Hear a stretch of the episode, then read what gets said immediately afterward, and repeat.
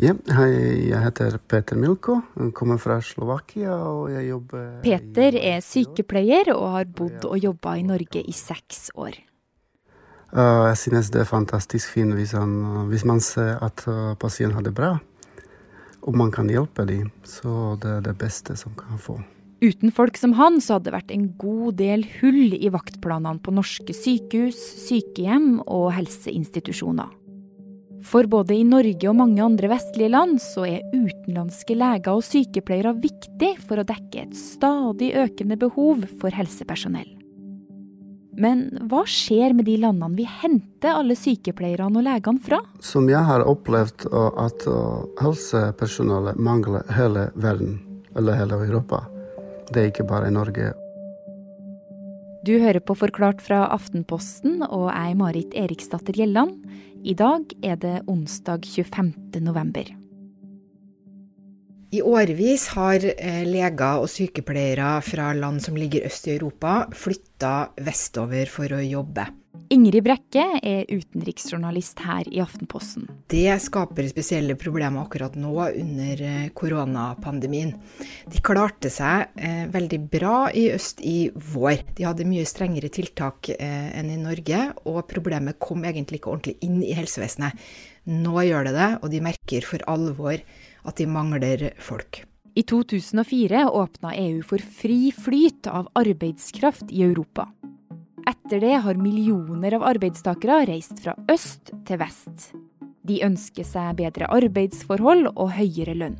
Og spesielt helsearbeidere har flytta for å jobbe andre steder. Her er det veldig rolig. I Slovakia har du ganske mye jobb. Hvis du jobber på en avdeling, så har du veldig mange pasienter, og så må du ta medisin, dele mat, frokost eksempel, ta blodprøve, infusjon, stell osv. videre. og vi har sånn pasienten av og til 30 pasienter på en avdeling, og det er bare en, to sykepleiere. Og maksimalt en eller to hjelpepleiere på jobb. Slovakia mangler faktisk nå 3000 leger og 12 000 sykepleiere. Men er ikke det eneste landet i øst som sliter med å ha nok helsearbeidere. Ungarn f.eks. uteksaminerer 1200 nye leger hvert år, men mister 900 av dem til utlandet. Og da koronasmitten denne høsten eksploderte i Europa, økte uroen over mangler i helsevesenet. Altså, vi mangler jo mange sykepleiere og leger i Norge òg, men vi har jo løst vårt problem ved å kjøpe inn eh, utenlandsk eh, arbeidskraft, eller leie inn. Eh, det har de ikke hatt samme muligheten til i Slovakia. Det er mye mindre Altså det er ikke penger i systemet på, på samme måte. Og det er også språkproblemene er vanskeligere å, å overvinne. Men det er klart at når de konkurrerer med land som Norge og Tyskland med flere ganger så høye lønninger, så sier det seg selv at det er mye vanskeligere for dem å rekruttere utenlandske personale. Jeg har en søster som jobber i Slovakia som en avdelingsleder. Hun er sykepleier. Og hun studerer nesten 15-16 år nå. Fortsatt har ekstra, ekstra utdanning. Og ca. 800 til 1000 euro tjener de der per måned. Så det er, er ca. 10 000 kroner. 8 til 10 000 kroner i måneden. Det er ganske bra betalt hvis vi sier det som i Slovakia akkurat nå, men um, i forhold til prisene, hva koster det alt å, å, leve i Slovakia, så det er ikke så mye. Hvorfor mangler de her landene helsepersonell, Ingrid? Når jeg var i Slovakia og snakka med leger om dette, eh, så sa de eh, at det, ja, lønnsforskjellene betyr mye, men det som kanskje betyr enda mer, det er at det er så veldig dårlig kvalitet på sykehusene. Så de må jobbe mye hardere, og de har små muligheter til eh, videreutdannelse. Det tekniske utstyret er, er altfor lavt nivå. Altså Helsevesenet er bare så veldig dårlig prioritert og så slitent. Dette handler i høy grad om at uh, i alle fall Slovakia, og jeg gjetter at det er omtrent likt i flere av de andre landene, gjennomgikk en sånn bølge der privatisering skulle løse alt. Så staten slutta nesten å investere i helsevesenet. Og nå ser de at denne veien var for så vidt feil å gå, men det er veldig vanskelig å ta igjen det slekket. Andre koronabølge feier nå over Europa, og Øst-Europa blir hardt ramma. I Polen så er testkapasiteten lav, men av de som blir testa, så har rundt halvparten korona. Og nesten ingen andre land i Europa får inn så mange positive tester nå som Ukraina. I hjemlandet til Peter, Slovakia, så er det òg mye smitte. Jeg er bekymret. Det, det, er helt normalt. Det er familien, det er min pappa, mamma og pappa. Og jeg har søster der. Men de, foreldrene mine de er eh, eldre. Og de er akkurat den gruppen som er farlig ja, å bli syk. Så det, det, jeg tenker det hver dag på dette, at jeg håper de har det bra. Og de blir ikke syke, men eh, jeg, jeg, vet at de er veldig flinke, og de passer på. Og de er veldig sånn Ja, skal jeg si sånn at Jeg er 100 store på de. Det kan håpe det ikke skjer noe.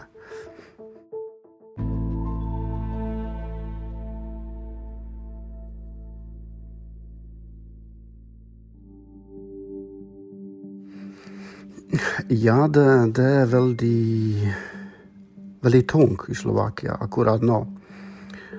Fordi hvis man blir veldig syk og vi har ikke så mye kapasiteten på sykehuset, så kan bli det problematisk. Jeg tror det er nesten som i Italia var første, første bølge. Og de er veldig redde å gå, eller unngå dette problemet, sånn som var i Italia. Så derfor de er veldig strenge akkurat nå i Slovakia. Mm. Og ikke bare som Italia, som Peter nevner. Slovakia ser også med gru på de to nabolandene sine, Polen og Tsjekkia der smittekurven har pekt rett opp denne høsten, og det samme har tallet på døde. Altså I Slovakia, eh, som jo er nabolandet til Tsjekkia, så var de veldig opptatt av situasjonen i Tsjekkia. Tsjekkia har jo vært eh, omtrent hardest eh, ramma i hele Europa ved siden av eh, Belgia. Og helsevesenet i Tsjekkia er en del hakk bedre enn det slovakiske. Eh, de har helt åpne grenser, masse folk som jobber i, i, nabolandet. Og de har vært kjemperedde for at pandemien skulle treffe dem like hardt som Tsjekkia, fordi de ville hatt enda mye dårligere forutsetning for å håndtere det. Um, og Slovakia grenser jo ikke bare til Tsjekkia, de grenser jo også til Polen, som jo da er uh, veldig hardt uh, ramma, ser det ut som. Siden det slovakiske helsesystemet er så dårlig rusta til å ta imot mange koronapasienter, så prøver de å forhindre at mange blir smitta og havner på sykehus. Og det gjør de ved å teste hele befolkninga, som er på størrelse med den norske. De har stengt ned samfunnet igjen, og de som resten av verden er på jakt etter helsepersonell. Det de prøver å gjøre, er selvfølgelig å eh, se om de klarer å få noen leger f.eks. fra Ukraina men dette handler jo egentlig ikke så mye om antall eh, leger. Det handler kanskje mer om antall sykepleiere. Eh, de mangler mange, mange tusen sykepleiere. Og regjeringa i Slovakia sier at de har nok respiratorer. Men de har jo ikke eh, de som kan betjene disse respiratorene hvis hundrevis skulle ligge for døden og få det behovet på en gang. Så de gjør, gjør sånn som Vest-Europa og leter etter helsepersonell i, i andre land, da. Men forskyver ikke det bare problemet? I Slovakia så gjør de det lite grann. I Polen går de aktivt ut og rekrutterer. De sier at de vil ha 1000 leger fra Ukraina og Hviterussland.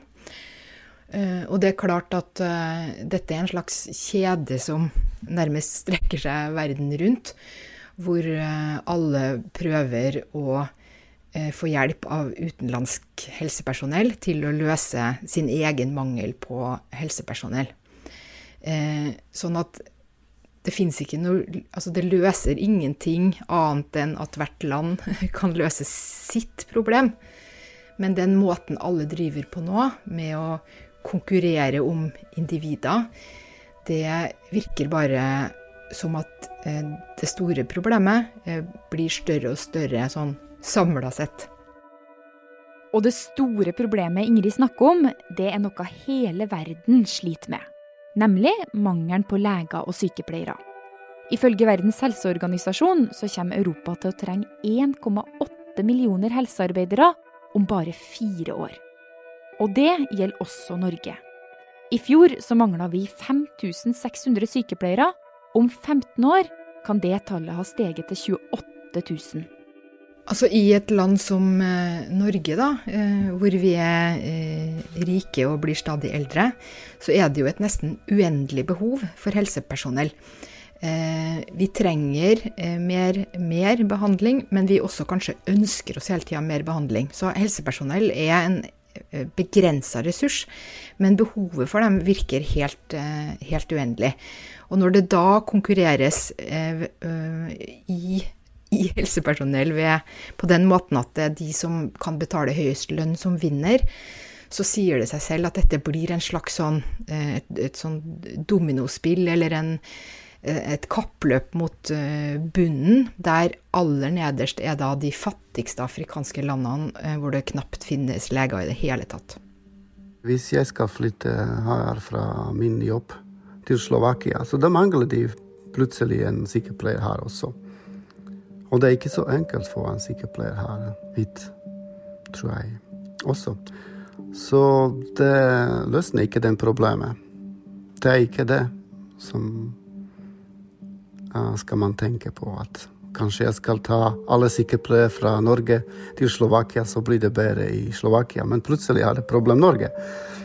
Og det samme er sikkert i Tyskland og i Østerrike og i Sveits og ja, i alle land i Europa, i hele verden tror jeg Nei, det løser absolutt ikke den problemet. Det synes jeg det selv om vi i Norge vinner denne konkurransen fordi vi kan tilby høyere lønn og bedre arbeidsvilkår enn mange andre land, så er det ikke sikkert at vi er vinnere på lengre sikt. Jeg snakka med Verdens helseorganisasjon om dette. De prøver nemlig å eh, lage en slags etisk eh, kode, eller en, en, etisk måte som sånn rekruttering skal foregå på. Eh, og de beskrev også hvordan det å at helsepersonell eh, og rekruttering av dem foregår mest som en slags lønnskonkurranse. Det gjør også at helsevesen i de rike landene ødelegges. Fordi det blir priskonkurranse eh, internt. Fordi man hele tida også konkurrerer om, om lønn. Eh, særlig f.eks. i Tyskland så rekrutteres da masse helsearbeidere som får lavere lønn enn de tyske. Og så får du en sånn system hvor det blir mindre attraktivt å jobbe i helsevesenet, også i de rike landene, for de som kommer derfra selv. Sånn at hele den måten denne kjeden uh, foregår på nå, den underminerer ikke bare de fattigste landene, men også helsevesenet i, i de rikeste landene.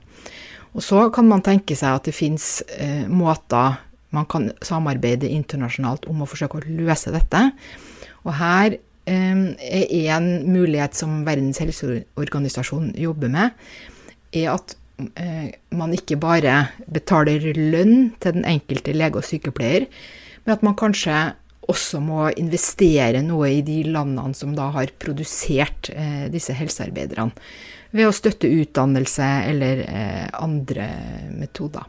Men eh, en sånn løsning ligger jo i så fall uansett ganske langt fram i tid, og det hjelper vel egentlig ikke så veldig mange fattige land og Øst-Europa nå. Altså I landene øst i Europa så tenker jeg at eh, det finnes ikke noen annen uh, kortsiktig løsning enn at de er nødt til selv å uh, forandre hvordan de tenker rundt sitt eget helsevesen. Altså Dette er innenrikspolitikk. De må bare investere mye mer. De må innse at de må betale legene sine ordentlig. Og de må ta egne grep. Det, det finnes ikke noen annen måte å løse det på for, for Slovakia eller for Polen men da ta fra andre ting som også trenger penger, da sikkert? Ja, det er jo, dette er jo politikk. Altså man må jo alltid prioritere. Eh, det er mange ting å bruke penger på. Eh, men jeg tror kanskje at eh, når man ser koronapandemien og hvordan den har ramma nå, og det har også blitt ganske blottstilt hvor elendige en, en god del av disse helsetilbudene er så tror jeg også at trykket fra folk som bor i, i Ungarn eller Slovakia eller Polen, eh, for å forandre prioriteringene og få et bedre helsevesen, vil øke i årene fremover.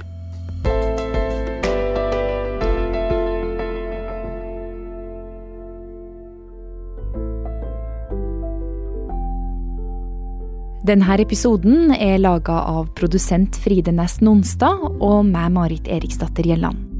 Resten av Forklart er David Vekoni, Anne Lindholm og Caroline Fossland.